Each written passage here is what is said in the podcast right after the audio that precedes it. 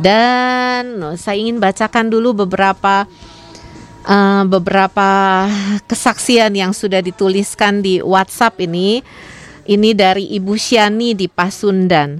Waktu saya mengikuti acara Maestro Golden Moment, saya nggak ngeh itu untuk lansia katanya. Saya masih di bawah 60 tahun. Gak apa-apa Ibu Syani, saya masih 17 tahun yang lalu. Oke. Okay.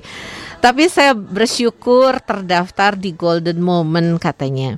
Ketika minggu ke satu dan kedua saya di ruang ICU karena COVID, saya nggak inget minggu keberapanya. Nama saya di absen di Maestro Golden Moment.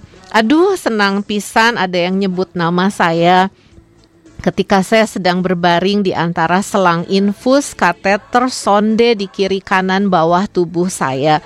Ketika saya sudah sadar ada di ruang ICU, saya minta dikirim radio. Dan selama dua minggu, pagi jam 5 subuh sampai malam, sampai subuh lagi, saya ditemani oleh Radio Maestro, mendengar program dan khotbah-khotbah yang walaupun diulang-ulang malah makin masuk dan meresap di ingatan saya. Melalui Radio Maestro saya banyak dikuatkan. Terima kasih puji Tuhan Ibu Syani semakin pulih ya sekarang ya.